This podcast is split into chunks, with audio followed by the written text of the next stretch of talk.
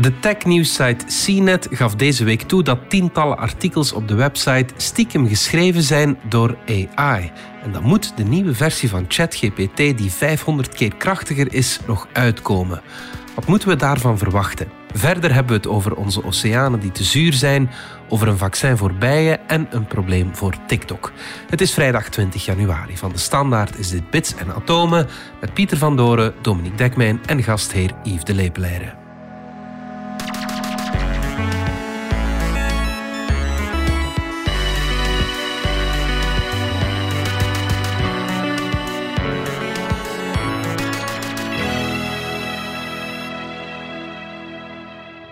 Dominique Dekmijn en Pieter van Doren, welkom. Laten we beginnen met belangrijk nieuws uit de mediasector, Dominique. Want de tech-nieuwssite CNET heeft deze week moeten toegeven dat ja, tientallen artikels op hun website stiekem waren gefabriceerd door artificiële intelligentie. Foei collega's. Ja, dit is helemaal het, het, verhaal van het moment natuurlijk. want iedereen is deze dagen aan het ontdekken dat je met ChatGPT ongelooflijk geloofwaardige uh, opstellen, verhandelingen, papers, PowerPoint-presentaties, uh, hele boeken kunt produceren. Maar nu blijkt dat effectief een uh, belangrijke, gerespecteerde nieuwssite, CNET, ik kom daar elke dag, dus ze zijn vooral met technologie nieuws bezig. Maar wat ze gedaan hadden eigenlijk is, ze dachten we gaan eens wat artikels over financiële onderwerpen bij elkaar zetten. Een tiental financiële begrippen rond beleggen en zo uitleggen. Mhm. En wat is de snelste manier om dat te doen? Ja, je vraagt het aan zo'n AI-tekstgenerator. Dit was niet met ChatGPT, maar een, een specifiek uh, instrument daarvoor dat ze gebruikten. En bij die artikels stond geschreven, um, de, als, als, uh, als auteursnaam stond CNET Money Staff. En staff, hè, staff ja, dat is breed. Dat kan betekenen editorial staff, de redactie. Ergens anders op de website stond in kleine lettertjes dat artikels geschreven door die redactie eigenlijk door, de, door een machine geschreven zijn. Het was dus niet helemaal verstopt, maar toch in een hoekje weggestopt. En ze zijn dat toen dus een andere nieuwssite daarop gevallen is, eh, hebben ze toegegeven, ja, we zijn dat eigenlijk aan het doen. En goh, we hadden dat misschien wat duidelijker moeten zeggen. Maar vanaf nu gaan we het er echt duidelijk bij zeggen. Deze artikels zijn niet door mensen geschreven, maar we hebben ze heus echt wel nagelezen, hoor. Maar iedereen was erin getuind, dacht dat het echt door journalisten was geschreven? Wel, het, het, waren dus geen nieuwsverhalen. Dat is toch wel een heel belangrijk punt. Hè? Dus, want een nieuwsverhaal, ja, dat gaat over iets dat pas gebeurd is. En ja, ChatGPT, maar dat geldt ook voor de meeste van die AI-systemen die nu gebruikt worden. Dat zijn dingen die getraind zijn op een heleboel tekst van het internet. Maar die hebben geen toegang tot het internet en die hebben dus ook geen toegang tot nieuwe informatie. En ChatGPT, waar iedereen mee aan het spelen is, sinds dat het dan ja, op 30 november nog maar, het is zo, zo, zo kort geleden en het mhm. lijkt al zo lang, omdat er sindsdien zoveel is aan het gebeuren rond, maar ChatGPT is getraind op het internet van 2021, dus je kan alles vragen over voetbal, maar niet wie de wereldbeker gewonnen heeft, want die informatie, daar heeft het systeem geen toegang toe.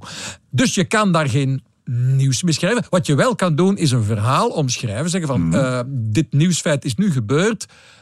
En je schrijft het dan in telexvorm en je vraagt aan het ChatGPT van maak daar eens een keer een goed geschreven artikel boven en zet er een lekkere kop boven. Dus China Brigida is dood, uh, maak eens een biografietje. Wel, dat zou nu helemaal kunnen. Voilà, dus er zijn een bepaalde uh, soorten artikel. Hè, en ons was altijd verteld, ja, die AI-systemen, ja, die kunnen heel veel domme dingen doen. Die, mhm. kunnen, en die kunnen heel snel werken, die kunnen veel herkennen, maar iets creëren kunnen ze niet. Maar dat is allemaal veranderd met deze golf van nieuwe technologie die we generatieve AI noemen. En dat zijn die tekstgeneratoren.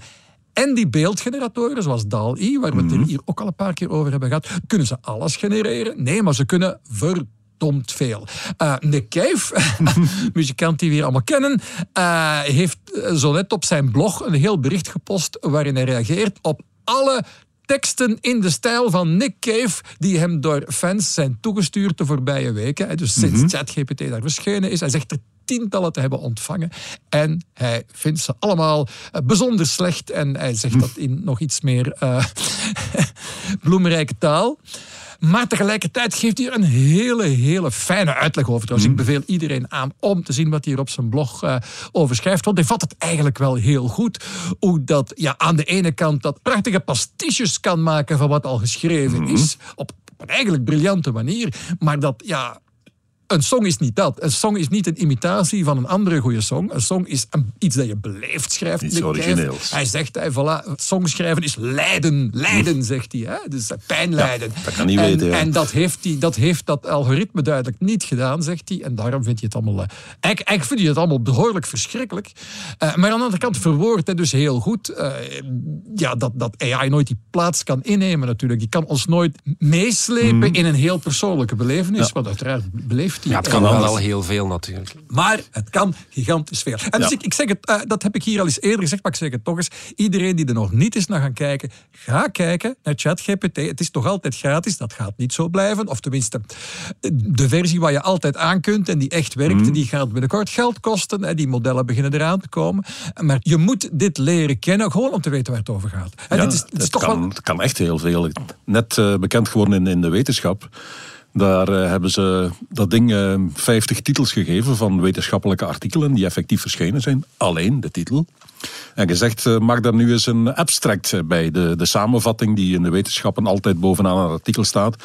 En vaak het enige dat je gratis eh, kunt lezen als wetenschapper, voor de rest moet je betalen. Nu, dat ding heeft op basis van titels abstracts gemaakt die perfect leesbaar waren. Goed, 7 op de 10 werden eruit gehaald door een eh, machine die keek of het niet door een AI misschien gemaakt was, die naar patronen zocht ja. en zo. Maar mensen haalden er ook maar 7 op de 10 uit. De 3 op de 10 eh, gingen er gewoon door als zijn. Ja, hè, dit is realistisch. Dit, eh, dit moet door een mens geschreven zijn. 14% van door mens geschreven teksten trouwens werd dan achteraf aan de machine toegekend door observatoren. Maar het, het is dus heel realistisch. Terwijl het compleet bedacht is. Ja, dit ging dus over verzonnen tekst, dat was Ja, niet echt. het waren En- verzonnen teksten, alleen, ja, had alleen de titel. Maar dan ja, nog, ja, met die ja. titel kon je heel geloofwaardige dingen maken. Ja, en dat is dus het, het, het hele dubbele dat je met die technologie nu hebt. Hè. Dus als je vraagt om, vat deze tekst van mij samen en je geeft de hele tekst, zal ChatGPT zeer, zeer goed die tekst kunnen samenvatten. Mhm. Of vertalen, of omzetten op rijm. Hè, dat zijn echt verpluffende staaltjes. Maar op een bepaald moment kan je dingen vragen die er niet zijn, die niet Mhm. bestaan. En dan kun je nog altijd even vlotte tekst krijgen. En dus ChatGPT kan even overtuigend schrijven over dingen die niet gebeurd zijn, als over dingen die wel gebeurd zijn. En je kunt het verschil heel moeilijk zien. En dat is de vrees die nu ontstaat, is het hele internet gaat volstaan met heel geloofwaardige teksten over dingen die niet gebeurd zijn. Mhm. En dat de is wetenschap aan het saboteren in, eh, in die abstracts. Als mensen daarmee verder gaan, dan, hè, dan baseren ze zich op dingen die er nooit geweest zijn. Ja, en dan is de discussie natuurlijk, ja, eh, er zijn al hele gebouwen vol Russische trollen die verzonnen informatie op het internet plaatsen. Eh, verandert dat nu je iets als ChatGPT hebt? En ja, de, de, de grote verandering is dat ChatGPT eh, dat veel sneller kan dan eh, mensen die je moet betalen. Eh, dus ja, meer desinformatie vooral. Zeer goed geschreven. Hetzelfde trouwens ook voor phishing mails. Hè. Mails die je proberen te overtuigen om een factuur te betalen voor iets dat je niet gekocht hebt. Hè. Die typische phishing mails, als je die laat schrijven door ChatGPT, zijn ze beter geformuleerd, veel geloofwaardiger, kunnen ze er de details aan toevoegen in de juiste taal. Eh, dus kan op heel veel manieren misbruikt worden. En dan is ja inderdaad, hier en daar is een artikeltje op een nieuwssite dat met een beetje hulp is geschreven. Eh, nog het ergste niet. Ja, en dan spreken we nu over eh, ChatGPT 3, de derde versie. Dat lees ik getraind is op 300 miljard woorden. En de vierde versie komt eraan en die zou nog 500 keer complexer of sterker zijn. Wat moeten we ons daar dan bij voorstellen? Als Wel, we nu al zoveel kunnen met Absoluut, want de spanning is te snijden in de Mhm. wetenschappelijke wereld en ook daarbuiten. GPT-4 komt er inderdaad aan. De GPT-3, eh, waar ChatGPT op gebaseerd is, is tenslotte al van 2020. En zoals AI nu evolueert, is drie jaar geleden een eeuwigheid. Ja, dat is de en, middeleeuwen. dus, ja, en men heeft dus, ja, telkens heeft men met die volgende generaties van die Transformer-modellen, Mhm. zo heten die, eh, heeft men telkens gegaan voor nog eens 100 keer meer. En dit keer gaat het dus voor nog eens 550 keer meer parameters, wat eigenlijk een baat is voor de complexiteit. En gaan er dus naar een 100 biljoen parameters. En dat zouden er inderdaad ongeveer 550 keer meer zijn dan de, geloof ik, 175 miljard parameters van GPT-3.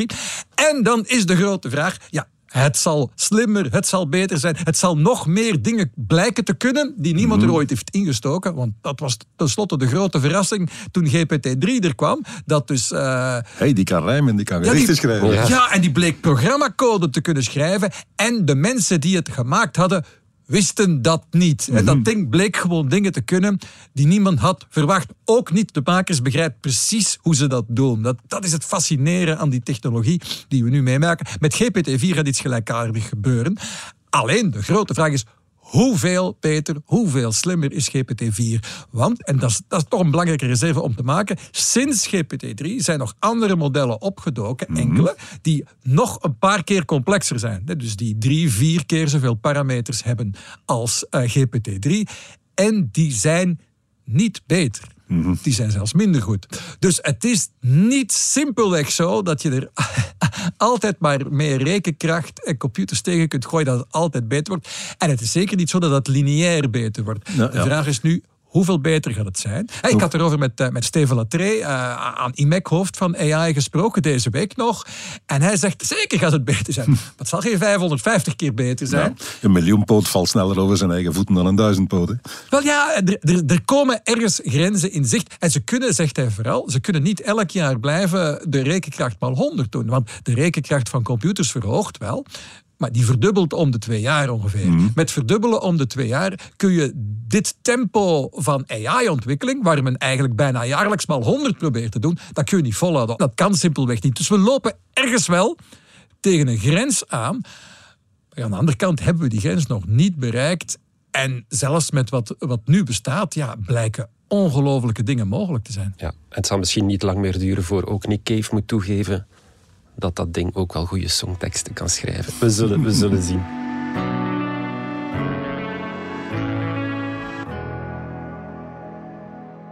Pieter, jij brengt uh, goed nieuws mee voor de bijen. Ja, en niet alleen voor de bijen, voor uh, alle insecten eigenlijk. Het is voor het eerst gelukt om uh, een vaccin te maken voor bijen. En in de brede zin ook voor de eerste keer dat er bij welk insect dan ook een vaccin gebruikt kan worden. Uh, geen coronavaccin. Het is geen coronavaccin. Bijen hebben trouwens geen last van corona. Uh, dit gaat uh, tegen Amerikaans vuilbroed, heet de ziekte. Mm Komt erop neer dat de larven van de bijen veranderen in een soort bruine prut. Door een bacterie. Mm -hmm. Bacillus larvae. De naam zegt het bijna zelf. En die en, komt heel vaak voor? vaker en vaker. Ja. En als ze in een korf terechtkomt, uh, binnen een paar weken is het hele volk uh, eraan en je kunt er nauwelijks iets tegen doen.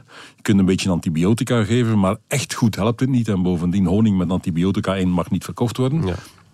Uh, het enige dat men op dit moment kon doen was gewoon het hele nest in brand steken en alles wat ermee in contact gekomen was er ook bij en ook in het vuur enige manier om de, de, sporen van die bacil dus kapot te krijgen. En nu met dat vaccin zal dat wel lukken. Beetje bizar, want uh, insecten hebben geen antistoffen, hebben geen T-cellen zoals wij, waar bij onze vaccins uh, mee werken. En men wist eigenlijk nauwelijks iets over hun immuunsysteem. Men wist dat ze zich ziekten een beetje van het lijf konden houden, maar hoe dat precies ging, dat uh, was allemaal niet duidelijk. En nu is men er dus toch in geslaagd om dat immuunsysteem in gang te krijgen. En bovendien, ook zeer opvallend, men vaccineert de koningin van een nest.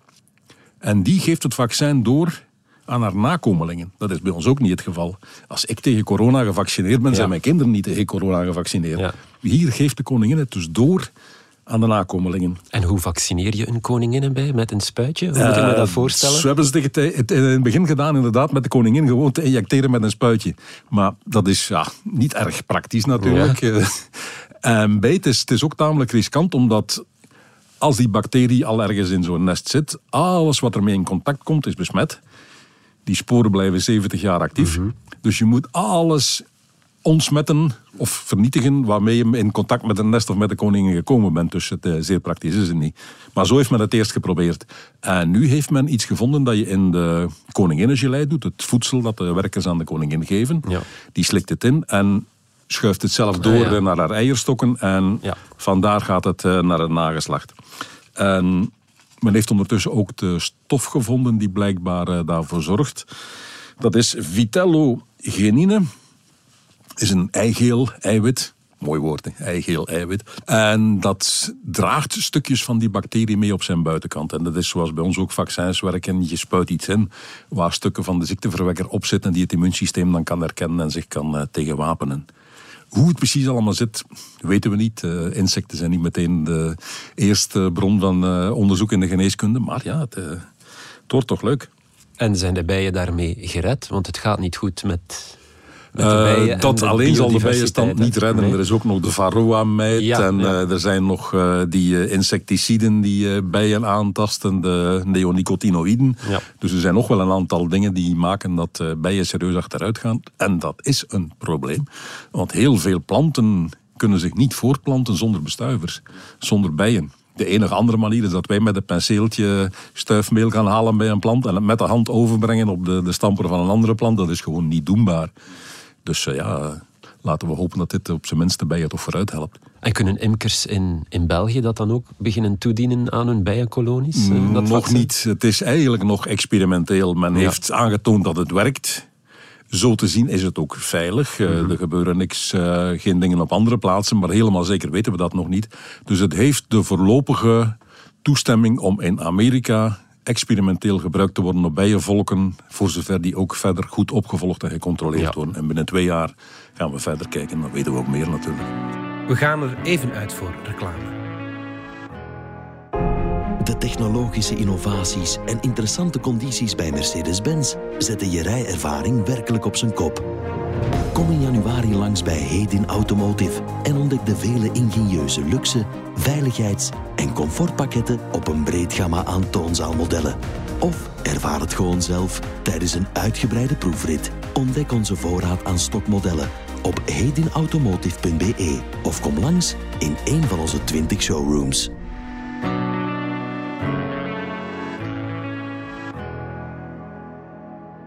Pieter, je brengt eh, ook nog goed nieuws mee, of toch een beetje goed nieuws, over de klimaatopwarming. We weten, oceanen worden wel zuurder door het eh, hogere CO2-gehalte als gevolg van die klimaatopwarming. Maar wetenschappers zijn er blijkbaar in geslaagd om de oceaan te ontzuren. Ja, het is nog allemaal heel, heel, heel primitief en heel eh, voorwaardelijk. Maar Amerikaanse wetenschappers hebben inderdaad aangekondigd dat ze in de Apalachicola Bay in Florida er voor de eerste keer, zeggen zij, in geslaagd zijn om de oceaan te ontzuren. Het is niet voor de eerste keer, maar goed. Ze hebben 2000 liter ongebluste kalk in het water gedaan. Rode kleurstof er ook bij gedaan, zodat ze goed eh, zagen waar het allemaal naartoe ging. En dan zijn ze gaan meten en inderdaad, die ongebluste kalk haalt CO2 uit het water. En volgt calciumcarbonaat, krijt zeg maar. En dat zinkt naar beneden, dat blijft op de bodem liggen. Dat wordt door eh, schelpdieren opgenomen in hun schelpen. En dat is dus uit het water gehaald, waardoor er minder CO2 in het water zit en het water dus minder zuur wordt. Ja, maar het wordt opgeslagen op, op de bodem. Het wordt dus opgeslagen op de bodem Ja. in kalkrotsen, in krijtrotsen en in eh, schelpdieren. Dus eh, wij zijn van die CO2 vanaf, daar komt het op neer. En dat kan geen kwaad. Want de oceaan eh, slorpt iets van een 30% van alle CO2 dat wij in de lucht pompen, slorpt dat op en slaat dat voor ons op. Hebben wij er tenminste al geen last meer van in de lucht. Ja. Stel dat dat stopt, vroeg of laat moet dat stoppen. Die oceaan kan niet blijven CO2 opslaan en altijd maar zuurder worden. Eh, dat is niet gezond voor het leven in die oceaan. Vroeg of laat eh, hebben we daar serieus vodden mee. Dus als we dat zouden kunnen ontzuren, zouden we al een heel eind verder zijn. En hoeveel ongebluste kalk moet je dan in, in de oceaan gaan spuiten? Bergketens Ja. van ongebluste kalk. Dat is ons groot probleem. De oceaan is heel groot. Er is meer eh, zee dan vasteland op de wereld. Ja. Dus als je dat echt compleet zou moeten gaan ontzuren met eh, ongebluste kalk, dan eh, moet je gigantische hoeveelheden ongebluste kalk maken. Nu, het voordeel van ongebluste kalk is dat die bestaat. Dat die in de cementindustrie wordt die voortdurend bijgemaakt. Er zijn nog andere stoffen die ook eh, tegen zuren werken, maar die zijn dan allemaal veel duurder en in kleinere hoeveelheden beschikbaar. Ongebluste kalk is nog redelijk beschikbaar. Dus je komt daar wel aan een eind mee. Eén probleem.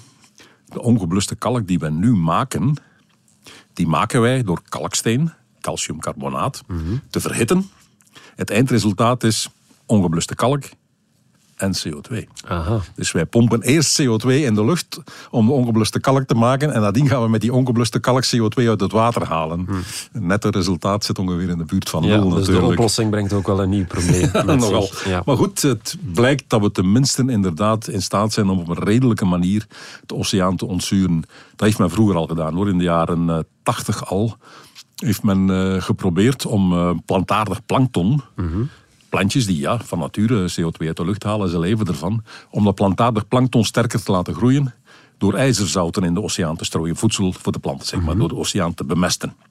Dat lukte goed, je kreeg dan algenbloei, dus hele lappen zee die groen werden. En daar is het onderzoek eigenlijk gestopt. Joepie jongens, het, eh, het werkt.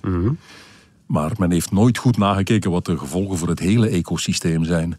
Eh, het is prima als je daar een gigantische hoeveelheid algen hebt. Maar stel dat die algen gifstoffen produceren, wat vaak zo is bij natuurlijk algenbloei. Die algen die sterven ook weer allemaal tegelijk af. En op dat moment zuipen ze zoveel zuurstof uit het water, dat een heel stuk oceaan geen zuurstof meer bevat en alle vissen met de buik naar boven komen Ja. liggen. Dus eh, de oceaan vergiftigen en eh, vissen vermoorden is ook niet meteen de manier om eh, nu CO2 uit het water te halen. En daar is toen dat onderzoek eigenlijk blijven hangen.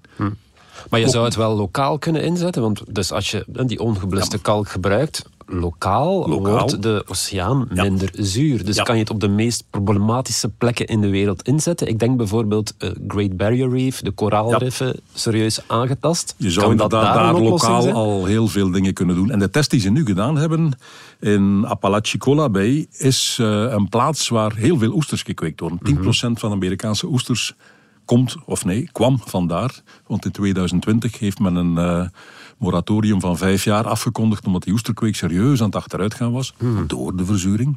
Dus men is nu onder andere aan het kijken, als we dit soort stunts doen, wat gebeurt er met de oesters? Ja. En men hoopt ja, dat, eh, dat dat toch zal helpen. En welk ander zeeleven zou daar ja, ook het meest bij gebaat zijn? Alle zeeleven. Alle zeeleven, Alle ja. zeeleven. Verzuring is, is voor niemand goed. Eh, Ja. Stel je voor dat, je de, dat het water eh, waar je onder de douche staat, dat dat plots eh, zuur wordt, eh, je huid wordt aangevreten, noem maar op. Eh, Er is geen levend wezen dat er geen last van zou hebben. En je moet niet vergeten, de oceaan is ook de basis van de hele voedselketen. Dat, die algen en die plantaardig plankton, dat voedt weer kleine vissen, die worden door de grote vissen opgegeten en wij eten de grote vissen op. Eh 30% van de, de wereld heeft als eerste voedingsbron of eiwitbron vis. Ja. Dus eh, ja, het is toch wel belangrijk. ja. Maar de oplossing is natuurlijk zo weinig mogelijk CO2 uitstoten. Daar komt het uiteindelijk op neer. Want dit soort eh, technieken, eh, men noemt dan ook wel eens geoengineering. Dus echt prutsen aan het hele ecosysteem van de aarde. Dat is eigenlijk een soort eh, planetair metadon. Je werkt niet aan het probleem, Ja. maar je probeert de gevolgen weg te duwen. Ja, terwijl de kraan nog open staat. Terwijl de kraan Ja, blijft openstaan. Het lijkt me ook ja, onbetaalbaar om ja, zoiets Ook- op zo'n schaal Ook dat op eh, planetaire schaal moeten we daar gewoon niet aan denken. Eh, de enige manier is de olie in de grond laten. Punt.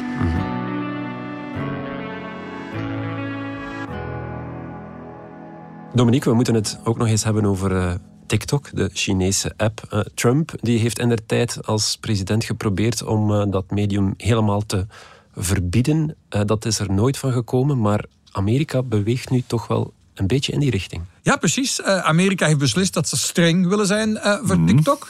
En ja, Donald Trump was er eigenlijk mee begonnen. Die dacht dat is een, go- een goede manier om nog eens de nadruk te wek- wekken op het feit dat ik echt best wel fors ben tegen China. En dan zijn houding tegen Rusland dan een beetje op de achtergrond zetten. Maar hij was, was, was graag eh, streng tegen China. En ja, dat was een handig standpunt om in te nemen. Maar hij, hij- dat had er ook iets mee te maken dat er op TikTok is opgeroepen om een van zijn eh, speeches in het honderd te laten lopen. Wat toen inderdaad gebeurd is. Ja. Want allemaal tieners op TikTok hebben toen tickets voor een Trump-evenement besteld. Ja. En dan bleek hij voor een, leeg, voor een leeg stadion te staan. Dus Trump was persoonlijk wel heel boos op TikTok. Hij heeft toen gezegd van, we gaan die hele handel verbieden. En dat kon hij eigenlijk niet. maar hij heeft het wel geprobeerd. En wat hij eigenlijk geprobeerd heeft, is om TikTok te dwingen al het, heel zijn Amerikaanse arm af te stoten en te verkopen aan niet zomaar iemand, maar wel aan Oracle, het bedrijf van Larry Ellison, een van zijn belangrijkste geldschieters, dus een vriendje van Trump. Het was allemaal een beetje. Het was allemaal heel erg Donald Trump. Maar wat zien we nu, eh, zo drie jaar later, eh, of tweeënhalf jaar later, dat Amerika inderdaad in de richting van een soort verbod evolueert. En dat men inderdaad TikTok aan het dwingen is om een soort deal te sluiten waarbij heel het Amerikaanse gedeelte eh, afgestoten wordt, een soort afzonderlijke organisatie wordt. En inderdaad, sinds de zomer al schijnt het zo te zijn dat het meeste van TikTok in Amerika draait op de service van Oracle. Dus dat is inderdaad ook effectief Dus gebeurd. bezig. Ja. Ja, ja, ja. Waarbij Oracle niet de eigenaar is geworden van die TikTok, maar in wezen het wel beheert. En de bedoeling is om te garanderen dat de Chinezen zeker niet zomaar aan de gegevens van Amerika kunnen. Dat is de ene schrik van de Amerikanen. Maar de andere schrik van de Amerikanen, en die wordt eigenlijk eh, geleidelijk groter, is dat omgekeerd de algoritmes van uh, TikTok stiekem uh, de Amerikaanse jeugd Mhm. kunnen beïnvloeden. Ja. Want uh, het is natuurlijk TikTok dat beslist welke filmpjes uh, dat onze jongeren te zien krijgen.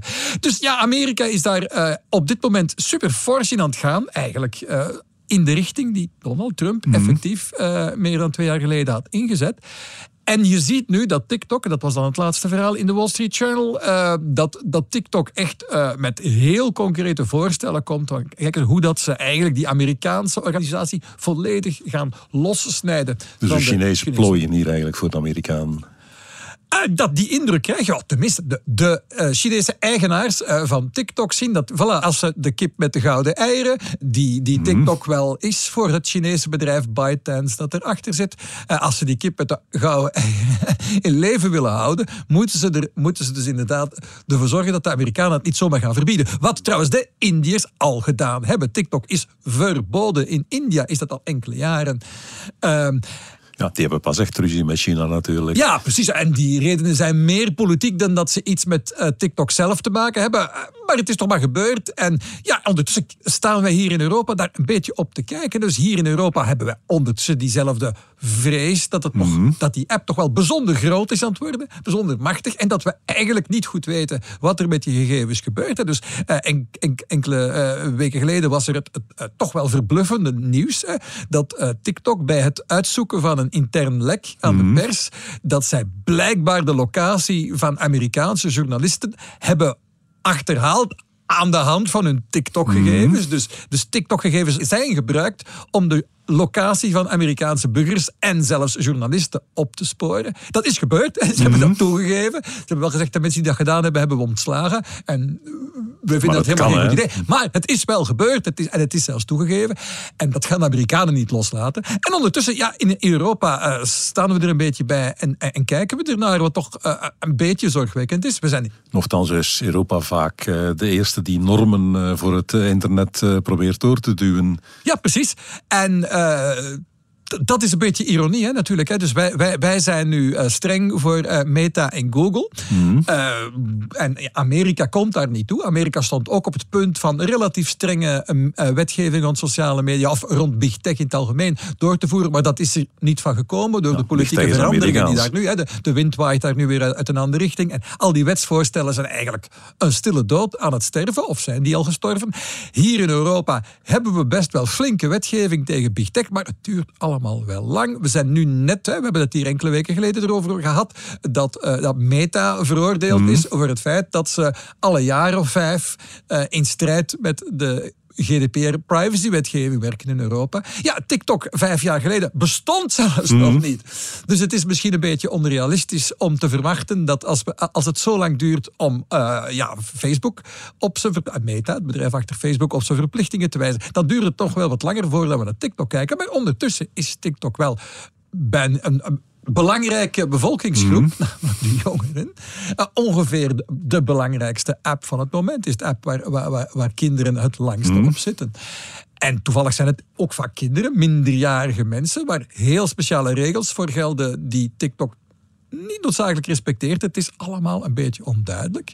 Uh, om die reden was trouwens de, de, de baas van mm. TikTok onlangs in Brussel om te praten met de commissie. Maar, en zo, om een beetje ja, de, de situatie daar wat te masseren en ons te verzekeren dat ja, we zijn er allemaal wel bezig met die, met Ja, we hebben gewoon vriendelijk gevraagd om de regels toch te respecteren. Ja, maar, het, dat, dat, en, maar dat lijkt wel dringend nodig. En nu gelukkig komt dat op niet al te lange termijn allemaal wel goed, omdat we nu met nieuwe, strengere wetgeving zitten die er aan zitten komen. Mm -hmm. Dat zijn die Digital Services Act en Digital Markets Act, waar we het hier al een paar keer over hebben gehad. Heel belangrijke wetgeving, maar die pas over een jaar of twee voluit van kracht is. En die zou een bedrijf als TikTok bijvoorbeeld wel verplichten om uh, heel transparant te zijn over hoe werken die algoritmes nu precies. Heel transparant te zijn over welke gegevens hebben wij precies over mm -hmm. de Europeanen en waar zitten die. En dan ervoor te zorgen dat die, dat die gegevens ook best, best in Europa blijven. Dat zegt de GDPR-wetgeving eigenlijk al. Maar of ze die precies respecteren, ja, daar loopt nu een procedure over. Die loopt al een tijdje uh, bij de gegevensbeschermingsautoriteit in Ierland. Maar ja, voilà, dat, dat loopt allemaal heel traag. Terwijl dat, dat we nu... Europa, ja. Ja, ja. Uh, dus terwijl dat we nu zien dat effectief uh, Amerika tegen TikTok wel graag flink is en, en dat daarmee wel resultaten boekt. De sterren van de week. Good stage one ignition. To explore. No man has gone before.